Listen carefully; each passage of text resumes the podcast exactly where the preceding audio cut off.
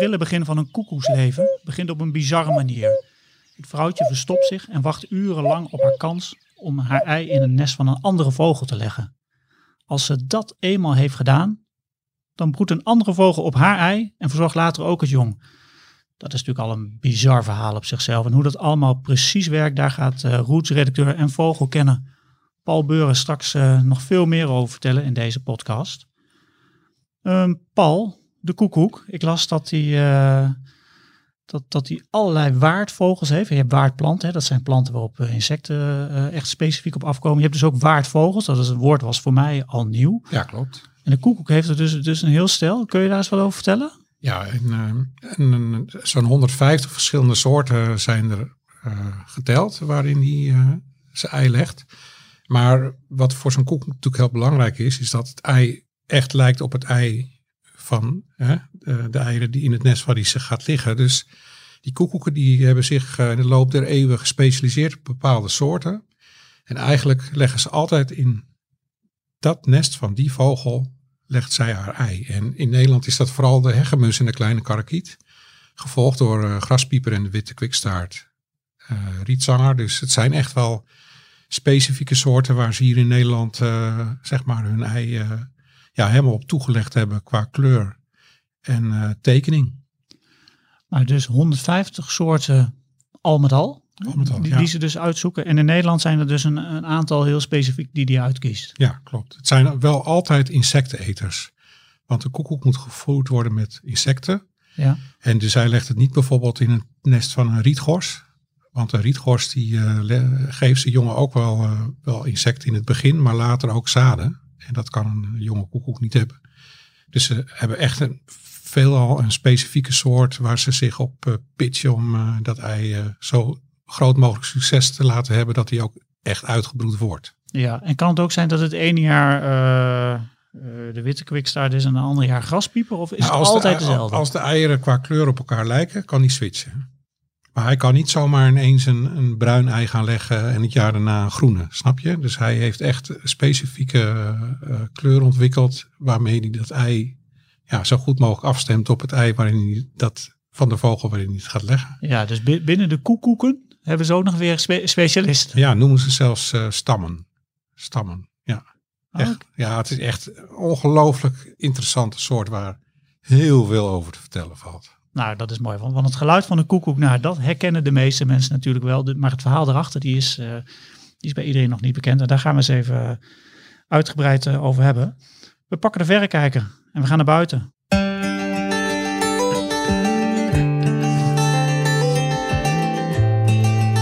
Roots presenteert Notenkrakers. De vogels fluiten buiten, wil je weten wie ze zijn? Kom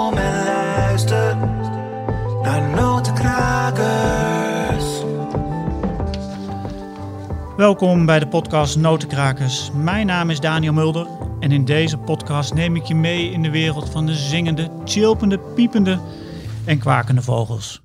Maar voor we verder gaan praten over de koekoek, bel ik eerst met Timo Roeken van waarneming.nl om in vogelvlucht te horen wat er allemaal is gebeurd in Vogelland Nederland. In Vogelvlucht. Timo, goeiedag. Goeiedag Daniel en Paul. Hi Timo. Nou, vorige maand uh, hadden we een bijzonder begin, want toen was het coronavirus in Nederland en uh, toen startten we op een andere manier op dan we normaal deden. Uh, ja. toen, toen vertelde je wat over de BioBlitz die jullie vanuit waarnemingen zijn begonnen. Dat is een, dat is een project die jullie zijn gestart om mensen hun tuinwaarnemingen volgens mij door te, door te laten geven. Kun, ja, kun, kun je eens een korte update geven hoe het, hoe het daarmee staat? Ja, inmiddels zijn er echt uh, tientallen, ja, volgens mij meer dan veel mensen die hun eigen bioblitz zijn begonnen in de tuin. Um, en nou klinkt 200 misschien niet zo heel erg veel als je kijkt naar onze totale uh, populatie qua waarnemers, als ik het zo mag noemen. Uh, maar als je ziet hoeveel waarnemingen daar uitstromen, zeg maar, dat is echt ongelooflijk. Uh, de, de, de persoon die op dit moment nummer 1 staat, qua in ieder geval qua aantal soorten, die heeft op dit moment al 332 soorten in zijn eigen tuin gezien. Nou is natuurlijk lastig, uh, lastig te bepalen, want je weet natuurlijk niet hoe groot die tuin is. Maar dat is wel echt wel een interessante, interessante lijst natuurlijk voor een tuin. Ja. Daarvan uh, 29 soorten vogels. D- 332 soorten, zei je? Ja, ja waarvan, en waarvan 69 vogels. Zo, dat zijn, eh, dat, dat zijn mooie getallen. Nou, 200 deelnemers, ik vind dat nog wel, eh, nog wel een mooi aantal. Zitten daar nog, eh, ik weet niet of je daar eh, zicht op hebt hoor, maar zitten daar nog waarnemingen tussen waar jij van overeind springt? Nou, er zijn wel bepaalde mensen die eh, specifieke soorten nachtvlinders bijvoorbeeld, of zeevliegen in de tuin hebben, waarvan, eh, waarvan ja, die moet ik überhaupt nog eh, ergens eh, zien. Dus als je die dan in de tuin treft, dan is dat wel heel erg spectaculair natuurlijk. Maar goed, dat is allemaal vanuit, vanuit, je, eigen, vanuit je eigen perspectief gezien. Ja. Eh, er zijn ook mensen die, eh, eh, die bijvoorbeeld eh, een hele zeldzame vogel in tuin zien. En dat zijn gewoon toevaltreffers, dus zeker nu met het voorjaar nu er, eh, ja, dan is er toch altijd wel een beweging in de, in de migratie. Dus dan kun je zomaar een zeldzame vogel aantreffen. Ja, wat jij vorige, voor, in de vorige podcast ook vertelde, is dat jullie de bijzondere waarneming hebben, hè, hebben afgeschermd om, eh, om te voorkomen dat mensen dwars door Nederland gaan, gaan rijden om een eh, speciale soort eh, te zien, wat natuurlijk eh, hartstikke goed is. Dat is nog steeds zo. Jullie hebben nog steeds eh, het scherm op zwart staan qua eh, zeldzaamheden. Ja, inmiddels hebben we, hebben de zeldzaamheden van alle andere soorten, behalve van vogels, hebben we weer opengezet. Omdat we merken dat eh, het zijn vooral de, de, de vogels, de zeldzame vogels, die heel veel publiek trekken. Kijk, als er ergens een zeldzame kikker of een vlinder wordt gezien, ja, dan is het daar niet zo heel erg druk. Dus we hebben het nu op dit moment alleen nog voor de vogels hebben we de, ja, een bank voor openstaan inderdaad. Omdat we willen voorkomen dat er groepsvorming ontstaat. Ja, en wa- en wat we dan altijd doen is eh, normaal gesproken de, de rubriek openen met een, eh, met een zeldzaamheid of een bijzonderheid. Ehm, Ja. Is dat deze keer anders of heb je toch nog iets moois eh, op weten te duikelen?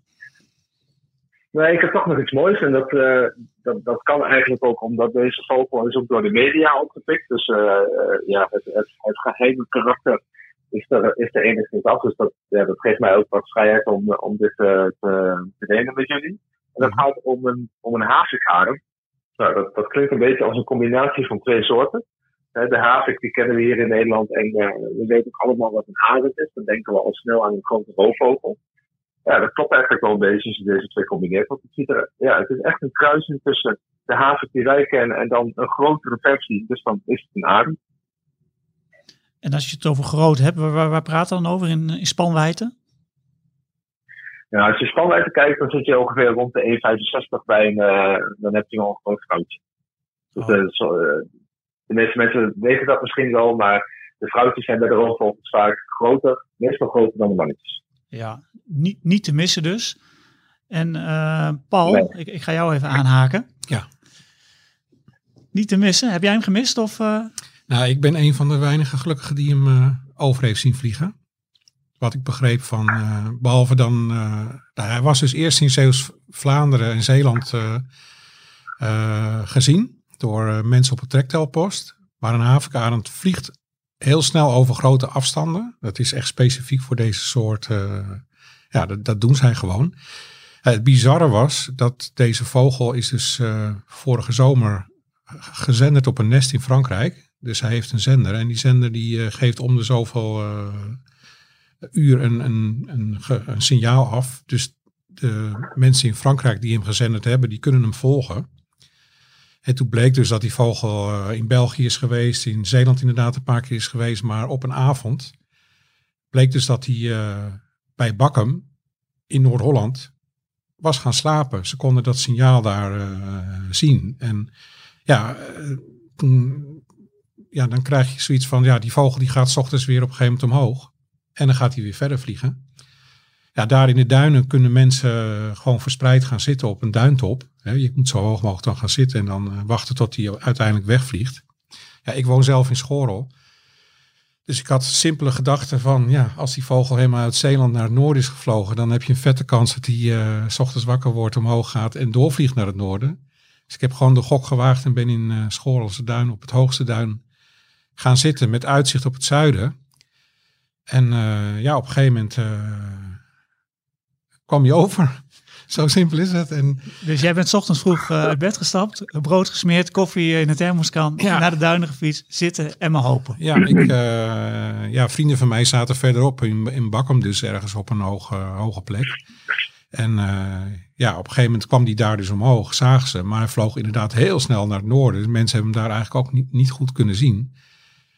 En eh, ja, op een gegeven moment kwam hij gewoon over de dennen aanzeilen en eh, vloog hij door. En uiteindelijk is hij dus op Texel terechtgekomen. En daar is hij eigenlijk nog door mensen het mooist gezien. Want daar is hij tot de Noordpunt doorgevlogen. Er bleek ondertussen uh, zeemist ontstaan te zijn. En een roofvogel gaat niet de zee op zonder dat hij kan zien dat er aan de overkant land is. Dus hij is daar weer teruggegaan. Blijkt uiteindelijk ook op Texel dan geslapen te hebben. Heeft de volgende ochtend weer een nieuwe poging gedaan om ook weer verder te vliegen. En het laatste is, wat ik heb begrepen, is dat hij op uh, andere Waddeneilanden ook gezien is. Alsmaar overvliegend, hè? je ziet hem dus niet zitten. En uh, ja, ik was een van de een, een, een, van de gelukkigen. Ja, Timo, als ik jou uh, uh, Havik Arend dus, is, is dat iets wat, wat ieder jaar wel een keer gebeurt of is het echt, echt bijzonder? Nee, nee, zeker niet. Het is echt wel bijzonder. Het is de vierde keer volgens mij in Nederland dat hij is gezien. Uh, de vorige jaartallen waren 1958, 1995 en 2002. Dus je kunt wel zeggen dat dit wel een echte zeldzaamheid is. En zeker omdat dat, ja, dat verhaal van Paul natuurlijk, dat, dat klopt als een. Het is een soort die ontzettend snel en, en strak vliegt. Dus hij is ook nog wel relatief makkelijk te missen. Zeker als je niet uh, de alert op bent of je kijkt een keer naar onder voor een plantje of voor een paddenstoel. Ja, dan, uh, en zo'n zo'n beest schiet voorbij, ja, dan is de kans alweer verkeken. Dus dan kun je weer langer wachten. Ja, ja maar uh, jaartallen die je net opzond, hoorde ik nou 2002 als, uh, als ja, laatste dat was de laatste. Ja, ja. Dus, dus, dat is bijna ja, 20, 20 jaar geleden. Ja, klopt.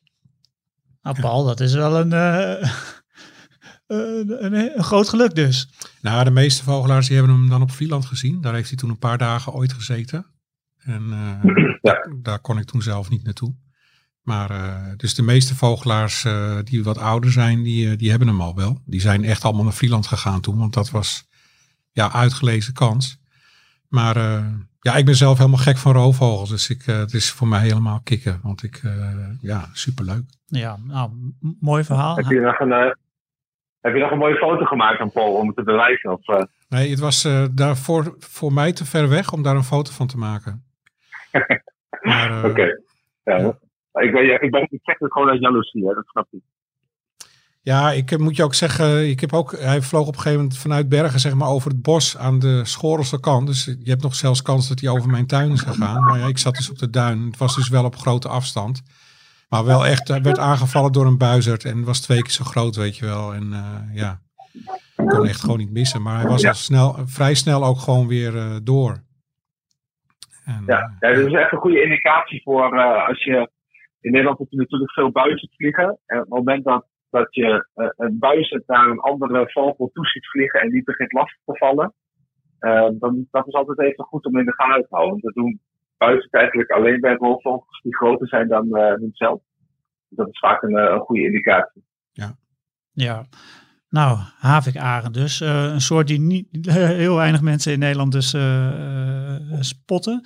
Een andere soort waar, waar ja. je volgens mij meer kans op hebt, die heb je ook paraat, hè? Ja, zeker. Ja, uh, de, ja, de soort die eigenlijk iedereen ook in Nederland kunt zien uh, uh, en kan zien, dat is de gierzwaluw.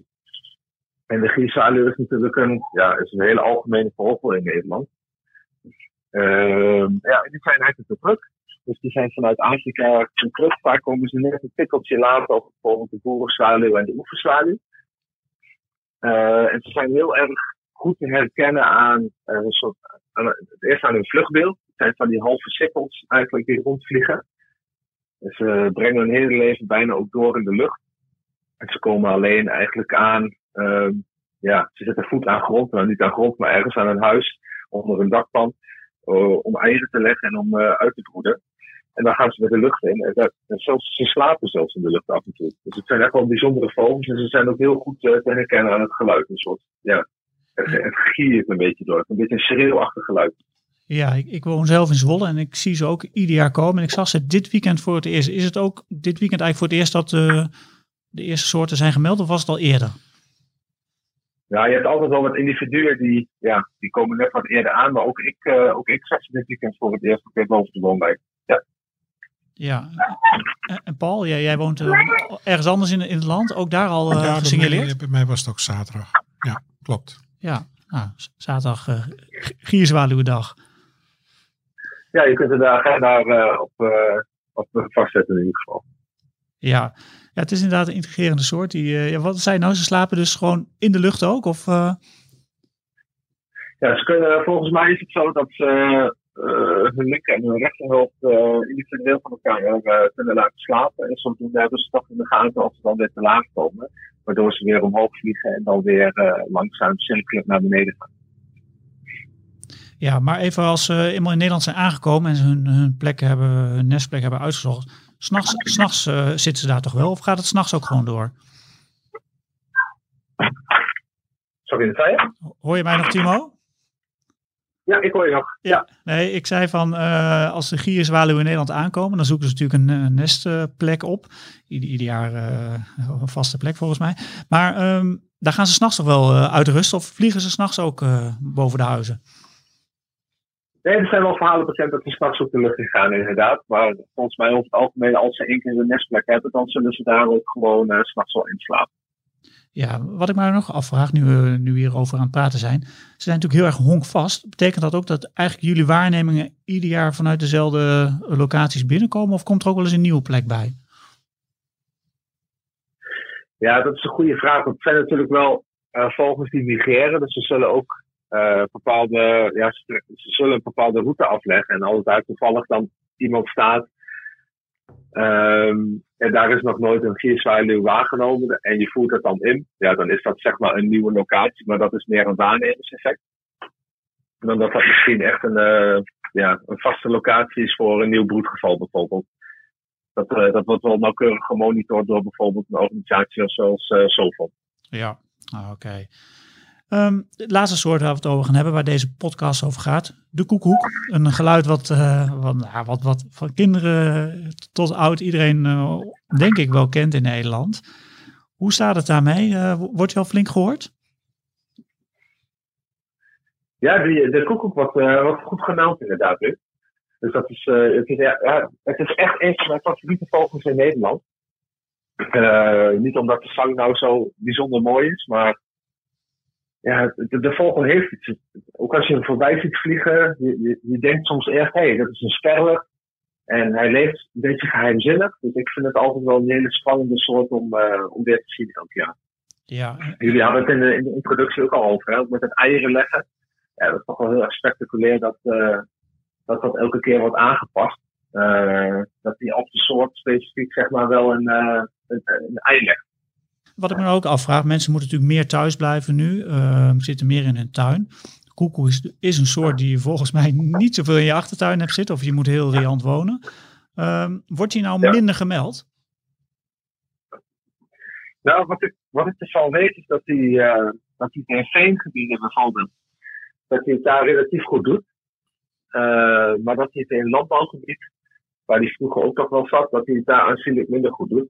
En dat heeft twee redenen het tekort uh, aan voedsel. Dus uh, nou, de insectensterfte, dat weten we allemaal, dat er een, een sterke teruggang is van insecten. Maar ook um, omdat er minder insecten komen, betekent het ook vaak dat er minder vogels zijn, waardoor de soort ook weer minder snel een, een nest kan vinden waar hij dan uh, het ei in kan leggen. En Paul, heb jij hem al gehoord? Nou, bij ons in de duinen zit hij nog wel, zit hij nog wel en hoor je ze ook vaak, maar wel echt veel minder dan vroeger. Uh, ik had van de week de eerste bij de Hondsbosse zeewiering. En die was echt constant aan het roepen. Dus het was echt ja, heel gaaf om. Uh, maar ik ben ook. Ik ben niet zoveel buiten als, uh, hè, als anders. Dus ik heb hem ook inderdaad minder gehoord. Tot slot nog even, Timo. Als mensen nu een koekoek willen, willen horen of, of zien, heb je nog tip voor ze wanneer ze op pad moeten en waar ze dan heen moeten? Wat je bij veel vogels natuurlijk hebt, is dat als je vroeg op pad gaat, dat, de kans groter wordt. Zeker als het wat warmer is. Maar in deze tijd van het jaar, als je een, een, een mooie wandeltocht maakt door de duin of door het steen, of je maakt een, flinke fietstocht, dan is de kans wel heel erg groot dat je een koekoek hoort. Ze zijn heel erg actief met roepen op dit moment. Timo, dankjewel. Um, we spraken net met Timo Roeken van waarneming.nl. Hij werkt er als projectleider en iedere maand vertelt hij in de podcast Notenkrakers wat er allemaal aan bijzonderheden is gezien in Nederland. En deze keer hadden we het over de havikarend eh, die over Nederland vloog en waarvan Paul een van de gelukkigen was eh, om te zien. We hebben het gehad over de gierzwaluw die, eh, die sinds kort weer boven de huizen in Nederland is te zien. En we spraken natuurlijk over de koekoek, de soort waar deze podcast over gaat. En dan gaan we nu naar Henk Meeuwsen. Henk Meeuwsen is een vaste, vaste gast in onze podcast. En in iedere vertelt hij iets eh, over de soort waar wij het eh, over hebben. De mooie vogelgeluiden die je hoort in Notenkraaks, die komen van de app Bird Sounds Euro. Henk Meeuwsen, die ook voor ons Vogelmagazine trouwens schrijft over vogelgeluiden, heeft veel van die geluiden in de app opgenomen. En achter die geluiden die hij heeft opgenomen schuilen vaak eh, mooie verhalen. En daarom spreek ik iedere maand met Henk af om eens om een geluid te bespreken. En deze keer ging het uiteraard over het geluid van de koekoek.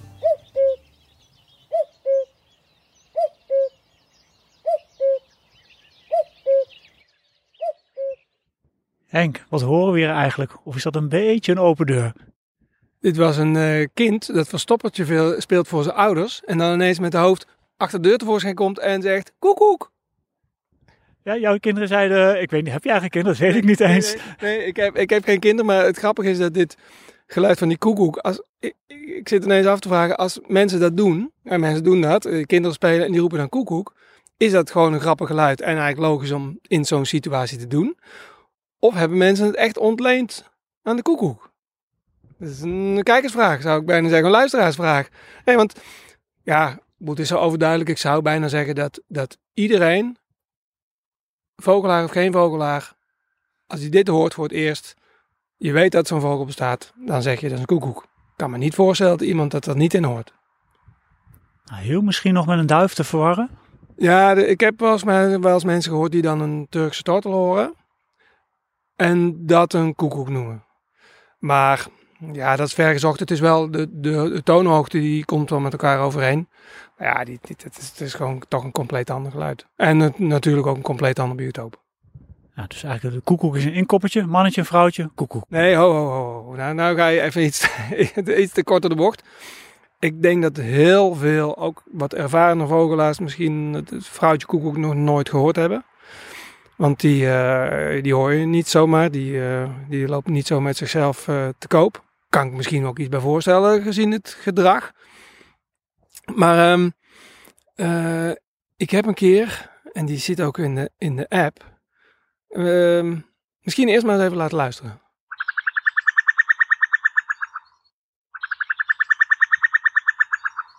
Dit is echt een, een, een bubbelend, hè, compleet anders dan een koekoek. Het is natuurlijk ook totaal iets anders. Als je, je zou kunnen denken, oh, het lijkt wel een beetje een groene specht of zo. Zo'n uh, klu, klu, klu, klu, klu van een specht. Ehm, en ik heb dit opgenomen, deze opnames van 1998. Toen had ik nog niet eens de apparatuur die ik nu heb. Toen was ik eigenlijk nog aan het experimenteren. En ik was met een vriend gaan eh, vogelen in de Amsterdamse waterlijnduinen. En eh, we hoorden het fruitje koekoek. Dus ik, "Sst, microfoon omhoog. En dan denk je, van, nou ja, dat ga ik later ooit nog als ik opname, op, opnemen. Maar nou ja, we zijn ondertussen in eh, 2020. Ik heb nooit meer zo'n opname kunnen maken van een vrouwtje koekoek. En eigenlijk vind ik deze, ik wel wat dan moeten poetsen. Maar ik heb honderd uren opname van een nieuwe wildernis in een moerasgebied. Perfect voor de koekoek. Nooit een toevallige koekoekvrouw die langskwam en, en dit deed. Dus eh, zo vaak hoor je het niet. Maar is het gewoon, een- roepen ze heel weinig dan? Of waar- waarom hoor je dit zo weinig? Nou ja, blijkbaar roepen ze heel weinig en ik weet ook niet precies wat de functie van die roep is. Kijk, die, die koekoekman die heeft een territorium te verdedigen, die wil aan de vrouwtje laten horen dat hij er is. Dus ik weet niet precies wat dit eh, betekent. Het, het moet dus een betekenis hebben. Het is wel zo dat als die vrouwtjes dit roepen, dan hoor je vaak de mannetjes op reageren. Dan, hè, de mannetjes kunnen urenlang doorgaan. Ik heb eh, een tijdje geleden voor een film eh, wat Koekoek in de film eh, aangegeven van eh, doe dat hier of daar maar eens tussen. En dan zei op een gegeven moment zei de, regisseur zei nee maar kom, we gaan er niet veel Koekoek in douwen. Ik zeg ja maar dat is gewoon zoals het buiten soms is. Die Koekoek kunnen uren doorgaan. Ja maar dat trekt, bioscoopbezoeker trekt dat niet. En dat filter je dan natuurlijk wel uit. Maar die, die, die nou ben ik even het verhaal kwijt. Waar waren we? We hadden het over het mannetje en het vrouwtje, dat die ge- geluiden maken. Daar hebben we volgens mij ook een geluid van, toch? Ja, oh ja. ja dan, dus, dus die koekoek eh, eh, die kan eindeloos doorkoekoeken. Maar als je dat vrouwtje hoort, en misschien soms ook eh, reagerend op elkaar, dan kan die van opwinding overslaan en dan hoor je dit.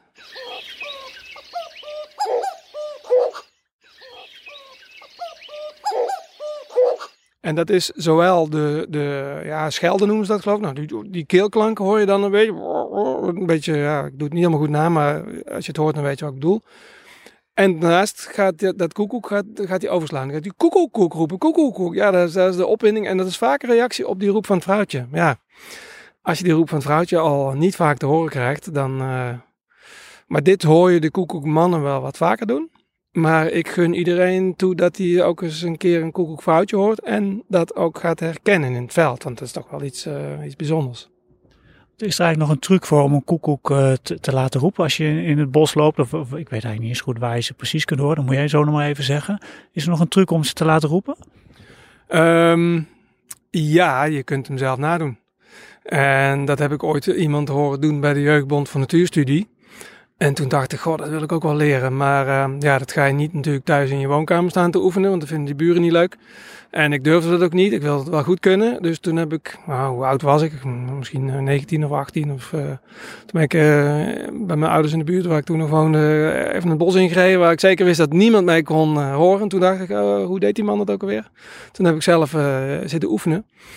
En eh, ik hou er nooit zo van als mensen met apps eh, proberen vogels aan de praat te krijgen of te lokken om een mooie foto te kunnen maken.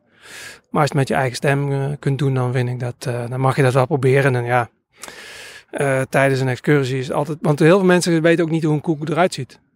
En die koekoeken zijn best schuw. Maar als jij een koekoek gaat staan te roepen, je stopt jezelf onder een boom, dan komen ze gewoon echt letterlijk over je heen vliegen of ze gaan in de boom waar jij onder, onder staat, gaan ze in zitten roepen. En jij kunt nu gewoon even een koekoekroep voor mij nadoen. Eh, ja, dat kan ik. Het kan zijn dat hij in het begin nog niet meteen op gang komt. Want dan moet er even inkomen.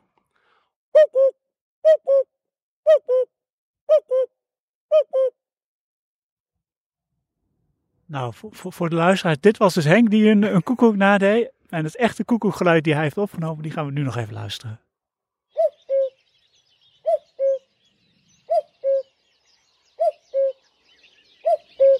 Je luisterde net naar eh, Henk Meeuwse, die zijn, eh, zijn persoonlijke verhaal vertelde over het geluid achter, eh, achter de koekoek.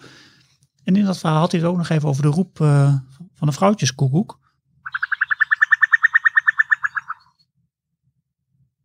Paul, het geluid van de vrouwtjeskoekoek, dat is niet een geluid wat heel Nederland herkent. Weet je, kun je daar iets over vertellen over dat geluid? Waarom, waarom maakt ze dat? Ja, het, is, het wordt omschreven als een hinnikende triller. En vogelaars die dat geluid voor het eerst horen, zullen misschien denken aan een dodaars. Eh, Dat is een klein vuurtje, die maakt bijna hetzelfde geluid. Maar eh, de bedoeling van dit geluid is eigenlijk dat hij een roofvogel nadoet. En waarom doet, doet ze dat? Eh, Zo'n vrouwtje koekoek legt dus op een gegeven moment een, een ei in het nest van een, eh, van een zangvogel. Daar heeft ze echt uren, misschien wel dagen van tevoren, heeft ze die vogels eh, bestudeerd wanneer ze van het nest afgaan. Op een gegeven moment, vaak aan het eind van de middag, blijkt het onderzoek, dan laten die vogeltjes toch hun nest even wat langer, eh, zeg maar, onbemand. En dan heeft hij 10 seconden nodig om het ei erin te leggen nadat ze een ander ei eruit heeft geknikkerd. Wat ze dan doet, is dat ze vlakbij dat nest gaat zitten en die roep dan doet. En daardoor raken die vogeltjes zo gestrest. Die denken dat er een roofvogel in de buurt van hun nest zit. En die, eh, ja, die, die raken in paniek. En die eh, gaan als een speer terug naar hun nest. Gaan ze erop zitten en ze kijken helemaal niet wat erin ligt. Ze gaan gewoon op het nest zitten om alles te beschermen. En dat schijnt de tactiek te zijn voor zo'n vrouwtje koekoek. Om, eh, ja, door die stress die ze veroorzaakt heeft, zijn die vogels gewoon, ja, blijkbaar zo in de war dat ze gewoon op dat nest gaan zitten. Niet eens kijken wat er eigenlijk in ligt. Ja, en daarna gaan ze de nacht in en dan de volgende ochtend worden ze wakker en dan, eh, ja, dan ligt het ei er gewoon in en eh, gaan, ze, gaan ze gewoon broeden. Dus het is puur tactiek. Ja, dus, dus een, beetje, een beetje paniek zaaien. Ja. Dat dat vogel wegvliegt. Dan slaat ze toe, legt Ja. haar ei. Ja, bizar hè, eigenlijk. Echt Het is- ongelooflijk. Het is, een het is een ongelooflijk verhaal inderdaad. Ja. Want dat- dat gebeurt dus in, in, in 10 seconden tijd. Hè? En dus mensen die dat hebben ooit met een stopwatch eh, bij Ja, er is, er, is, er is heel veel onderzoek naar gedaan. Met name in Engeland, maar ook in, eh, in Oost-Europa, waar er, waar er gewoon veel meer zitten dan hier. En eh, ja, daaruit is dit allemaal eh, gebleken. Ja, de, de koekoek. Het is ook een, als je de vogel ziet op, op een foto. Want je ziet hem natuurlijk niet, je hoort hem altijd, maar je ziet hem, eh, je ziet hem niet zo vaak. Hij ziet er prachtig uit. Het is een, eh, een soort, hij lijkt wel een beetje op, op een roofvogel inderdaad. Kun je, daar eens, eh, kun je ze uiterlijk eens beschrijven? Ja, het is, eh, nou, hij, hij heeft, zoals ik al zei, eigenlijk, eigenlijk het uiterlijk van een sperwer overgenomen. Hij is grijs van boven en strepen, net als een sperwer. Hij lijkt in vlucht ook als een sperwer. Hij heeft alleen hele spitse vleugels. En ze hebben ook allebei een geel oog. En ja, daardoor veroorzaken ze ook gewoon de verwarring bij, bij zangvogels. Dat ze gewoon eh, daardoor al eigenlijk uit paniek eh, wegvliegen voor, eh, voor zo'n koekoek als die, die hij, hij vliegt vaak laag over het riet of over de bosjes. Zigzaggend, zeg maar. En ja, dan, dan vliegen die vogels in paniek weg. En dan ziet ze eigenlijk al in één oogopslag welke vogels in dat gebied zitten. En dat is ook weer tactiek. Verder durf ik te beweren dat er denk ik veel meer mensen zijn die een koekoek niet gezien hebben dan wel. Maar goed, daar geven we straks nog wat, eh, wat leuke kijktips eh, voor. Maar eh, ja, vooral die mannetjes die, die vliegen heel sneaky laag over de bosjes en roepen dan constant. Op een gegeven moment gaan ze even bovenin zitten. Maar die vrouwtjes die gaan echt, die, die, die maak je zo weinig kans op dat je die ziet. Die zitten gewoon zo, zo sneaky verstopt in de bosjes te kijken. Dus dat is de reden waarom je ze gewoon veel meer hoort dan, dan ziet. Ja, heb jij als ervaren vogelaar wel eens een vrouwtje gezien? Ja, ja, ja. Ze zijn soms wat bruiner. Dan eh, daar herken je ze aan. En dan de roep natuurlijk. Maar het, het, is, het zijn gewoon meer de mannetjes die, eh, die je ziet en hoort. Die roepen tenslotte constant koekoek. Die zetten daarmee een territorium uit. Eh, als ze nou op een gegeven moment die, een roep doen die wat sneller gaat. dat het lijkt alsof die koekoek overslaat. Dan hebben ze dus een vrouwtje in beeld. En dan zou je dus eh, de omgeving moeten scannen. eh, want eh, ja, dan, dan zien ze een ander vrouwtje vliegen. Dus dan, dan zou je er moeten kunnen zien. Ja, want je zei het net al even van, ik ga nog tips geven om, om, om ze te spotten. Wat, wat, voor, wat voor tips zijn dat dan? Nou, er zijn een paar gebieden. Goed, het is nu met die corona-toestand natuurlijk, mag je niet meer zomaar overal naartoe. Maar er zijn een paar gebieden zoals in de, de, de, de Biesbos, eh Oostvaardersplassen. Dat zijn toch gebieden waar de koekoek echt gewoon nog veel voorkomt. Omdat het gewoon ja, het broedbiotoop is voor, eh, voor hun. Hè, met die kleine karakieten en rietzangers. En eh, daar leggen ze toch het liefst hun, hun eieren in. Ja, ga gewoon ergens rustig zitten. En luister gewoon of je ze hoort. En zodra ze roepen, dat doen ze meestal als ze vliegen of net gaan zitten. En dan zitten ze vaak boven in een eh, struik. Omdat ze dan ja, gewoon hun geluid het beste rond kunnen laten zingen. Letterlijk. Ja, dat, dan maak je gewoon de beste kans. En kijk niet hoog in de lucht, maar gewoon laag over bosjes en riet. Want ze vliegen vaak echt zo laag mogelijk eh, over, eh, over die eh, rietvelden heen om, om die paniek bij die vogeltjes te veroorzaken. En als je hem nou moet vergelijken met een, eh, met een stadsvogel qua formaat, eh, waar- wat voor een formaat moet ik letten als ik buiten ben? Nou, het is eigenlijk een, een beetje een, een torenvalk formaat. Ze hebben ook spitse vleugels, dus ze hebben een hele lange staart met witte vlekken erin. En op het moment dat ze gaan zitten, dan laat ze de vleugels altijd afhangen op het moment dat ze dat koekoek roepen. En dan spreiden ze hun staart helemaal uit en dan zie je eh, allemaal van die eh, grijze staart met allemaal witte vlekken. Ja, daar, dat is gewoon onmiskenbaar. Ja, en, en mei, hè? In, mei leggen alle vogels een ei. Het spreekwoord zegt het al, maar voor de koekoek is dat eh, de maand, toch? Nou ja, ze komen zo half april, vanaf half april aan uit Afrika. En dan gaat zij, ga- zij gaat gewoon observeren. En ja, ik denk dat mei, juni, er worden in totaal 12 tot 20 eieren gelegd door één koekoekvrouwtje. Dus ze legt om de paar dagen een ei. En eh, ja, dat zal waarschijnlijk tot in juni zijn. En eigenlijk al vrij snel als zij het ei gedeponeerd heeft en gezien heeft dat het veilig is, zal ze alweer terugvliegen naar, naar Afrika. Mannetje en vrouwtje gaan al heel snel terug. En die jonge vliegen pas veel later, helemaal alleen, ook weer terug naar Afrika. Maar even, eh, dit klinkt als een heel droevig verhaal. Dat de moeder het ei legt, terugvliegt naar Afrika. Ziet zij dan haar jongen nooit in haar hele leven? Nee. Nou ja, in het begin houdt ze nog heel goed in de gaten. Want eh, mensen zullen zeggen, nou, ze legt een ei en is ze weg. Ze houdt wel degelijk goed in de gaten of eh, het, het gelukt is. En of die vogels het ei geaccepteerd hebben. En zo niet, dan zal ze gewoon wel weer een ander ei moeten leggen. Maar goed, ze, dit, bij koekoek is gewoon zo dat ze spreiden het risico over meerdere nesten. Dat is gewoon hun tactiek. Er komen er altijd meer dan één uit. Dus dat is voorwaarde voor het verder gaan van de populatie. Ja, zo simpel moet je het zien. Maar het is niet zo dat ze zegt van eh, het ei uit, eh, het hart uit, zeg maar. Ze houdt wel degelijk even goed in de gaten of alles goed gegaan is. En eh, ja, zodra ze weet dat de populatie veiliggesteld is, zal ze weer terugvliegen naar, naar het overwinteringsgebied. Ja, en is ook bekend of die jongen naar dezelfde plek terugvliegen in, het overwinteringsgebied als, als moeder? Nou, volgens mij gaat zo'n beetje alles naar eh, Centraal-Afrika. Eh, met name Ivoorkust en eh, dat soort landen daaromheen. Daar zitten gewoon bijna alle koekoeken. Ze worden gezenderd de laatste jaren. Dat is ook wel erg leuk om daar iets over te zeggen. Want ik las toevallig dat in Engeland dit voorjaar een koekoek onder de code Carlton 2 is gezenderd. En die volgen al een paar jaar, vanaf dat hij jong eh, was. En die heeft dit voorjaar in zeven dagen tijd de hele afstand van Centraal-Afrika naar eh, Zuid-Engeland afgelegd. Het is 9000 kilometer in zeven dagen. Had blijkbaar hele goede wind mee. Ja, dat is echt ongelooflijk? Zo'n afstand eh, van, een- van, ja, zij maken geen gebruik van luchtstromen hoog of ze vliegen gewoon over land. Ja, dat is toch, die vogel heeft dus inmiddels al in een paar jaar tijd 35.000 kilometer eh, afgependeld tussen Zuid-Engeland en eh, Centraal-Afrika. Zo, Dus dat is wel. eh, ja, en wat ook bizar, bizar, bizar is eigenlijk, zo'n jonge vogel, hè, die is altijd alleen in zo'n nest.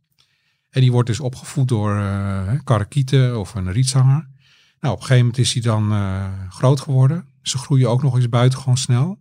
In een paar dagen tijd eh, zijn ze 30 keer hun gewicht toegenomen. En eh, ja, dan vliegen ze dus helemaal in een eentje terug naar, eh, naar, vliegen ze voor het eerst naar een overwinteringsgebied. Dat is ook zo, vind ik ook heel bijzonder, dat ze dat dan ook zomaar weer kunnen vinden. Dus ja, Wo- wonderlijk. wonderlijke, won- wonderlijke, eh, wonderlijk. Het was trouwens ook grappig. Wat ook zo is, is dat mensen vroeger dachten dat een koekoek in de winter veranderde in een sparrow. Want ze zagen in de zomer zagen ze koekoeken. En in het najaar trokken juist de sparrows weer eh, het land in. En eh, ja, die lijken natuurlijk heel veel op elkaar. Dus ze hebben al, eeuwenlang gedacht dat een koekoek zomers een koekoek was. En in de winter een sparrow. Dat is ook Ja. wel op zich wel weer grappig. Ja, mooi, eh, mooi feitje. Feitje, een, eh, een historisch verhaal. Zijn er trouwens nog andere vogels die hetzelfde doen? Weet je dat zo?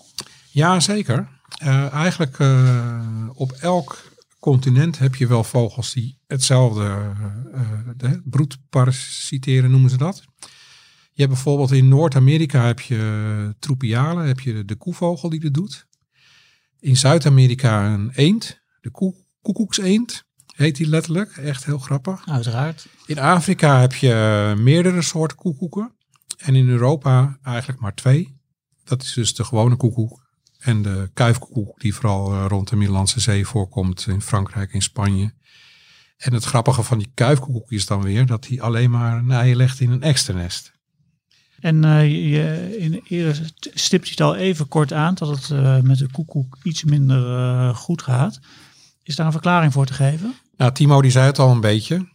Dat sinds de jaren 70, 80 dat er ook al broedparen geteld werden, is de stand gehalveerd, wordt gezegd. Eh, daar kunnen wel een paar dingen. Het, is, het is gewoon absoluut zo dat er veel minder rupsen voorkomen. Want hij leeft, een koekoek leeft vooral van hele grote rupsen, van grote vlinders. En die grote vlinders zijn gewoon sterk achteruit gegaan in eh, grote delen van Europa.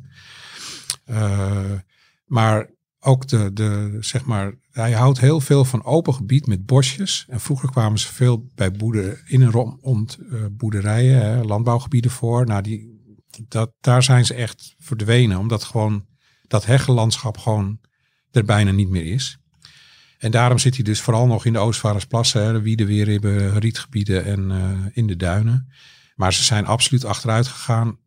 Er wordt ook gezegd dat het komt door de, het uitbreiden van de Sahara. Dat jonge vogels gewoon die afstand niet meer eh, zonder voedsel over kunnen, over kunnen vliegen.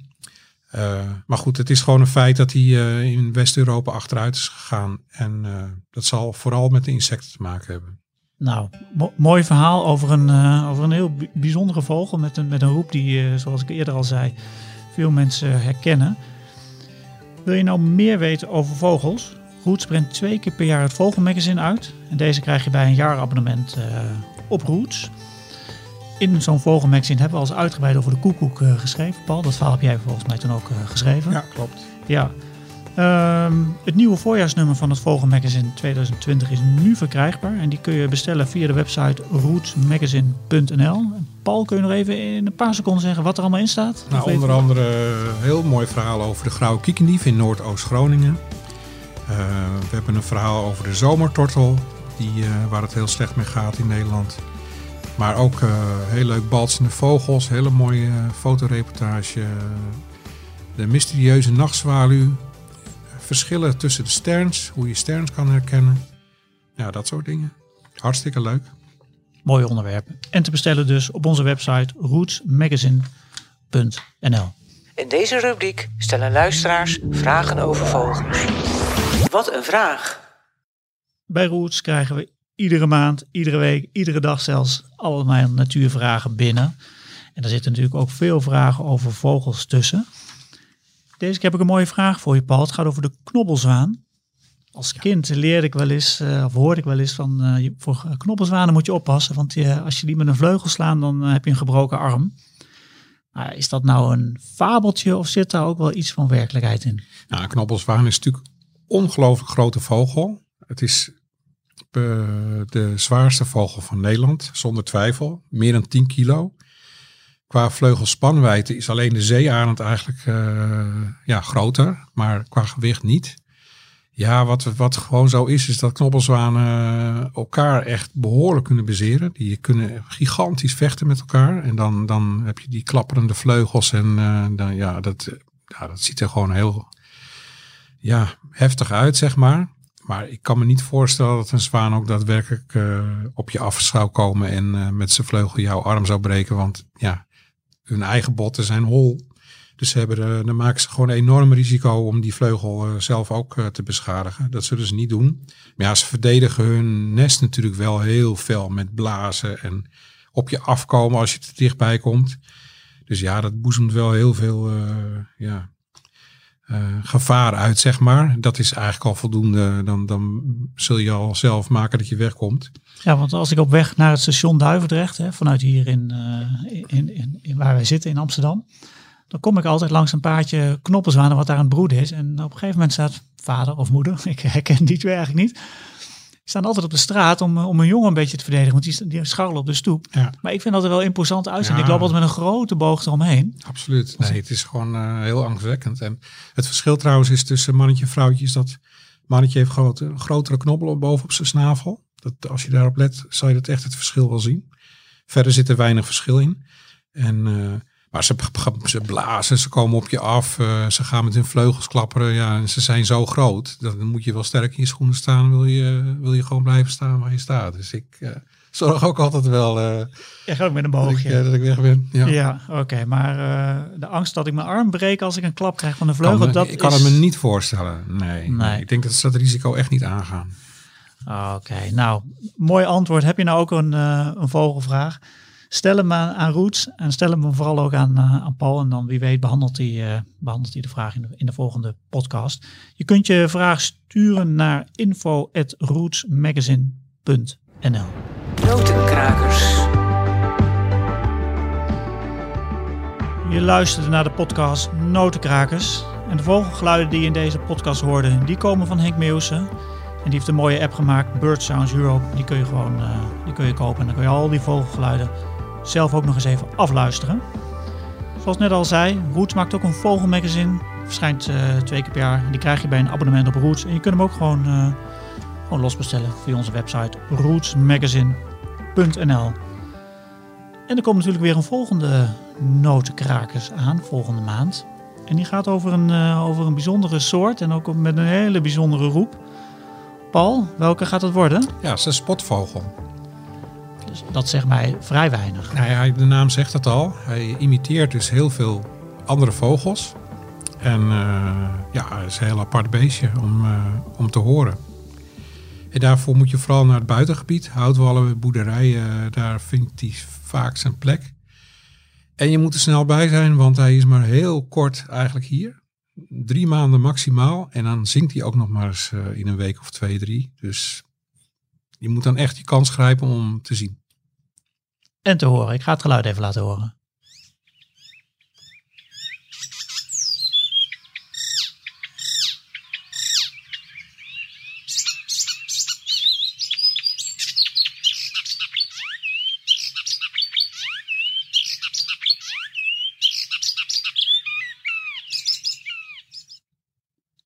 Paul, dit is voor mij hogere vogelkunde hoor. Als ik dit allemaal hoor. Het lijkt wel of ik hier tien vogels door elkaar hoor. Maar was dit één vogel? Ja, klopt. Maar waar je dus op moet letten, dat is dat snerpende herhalen. En dat is echt het kenmerk van de spotvogel. Nou, volgende maand eh, moet je nog even uitgebreid uitleggen hoe ik de spotvogel eh, in het veld kan herkennen. Maar eerst gaan we natuurlijk eh, in mei luisteren naar de koekoek. Een geluid wat, wat iedereen herkent, maar toch laat ik hem nog even één keer horen.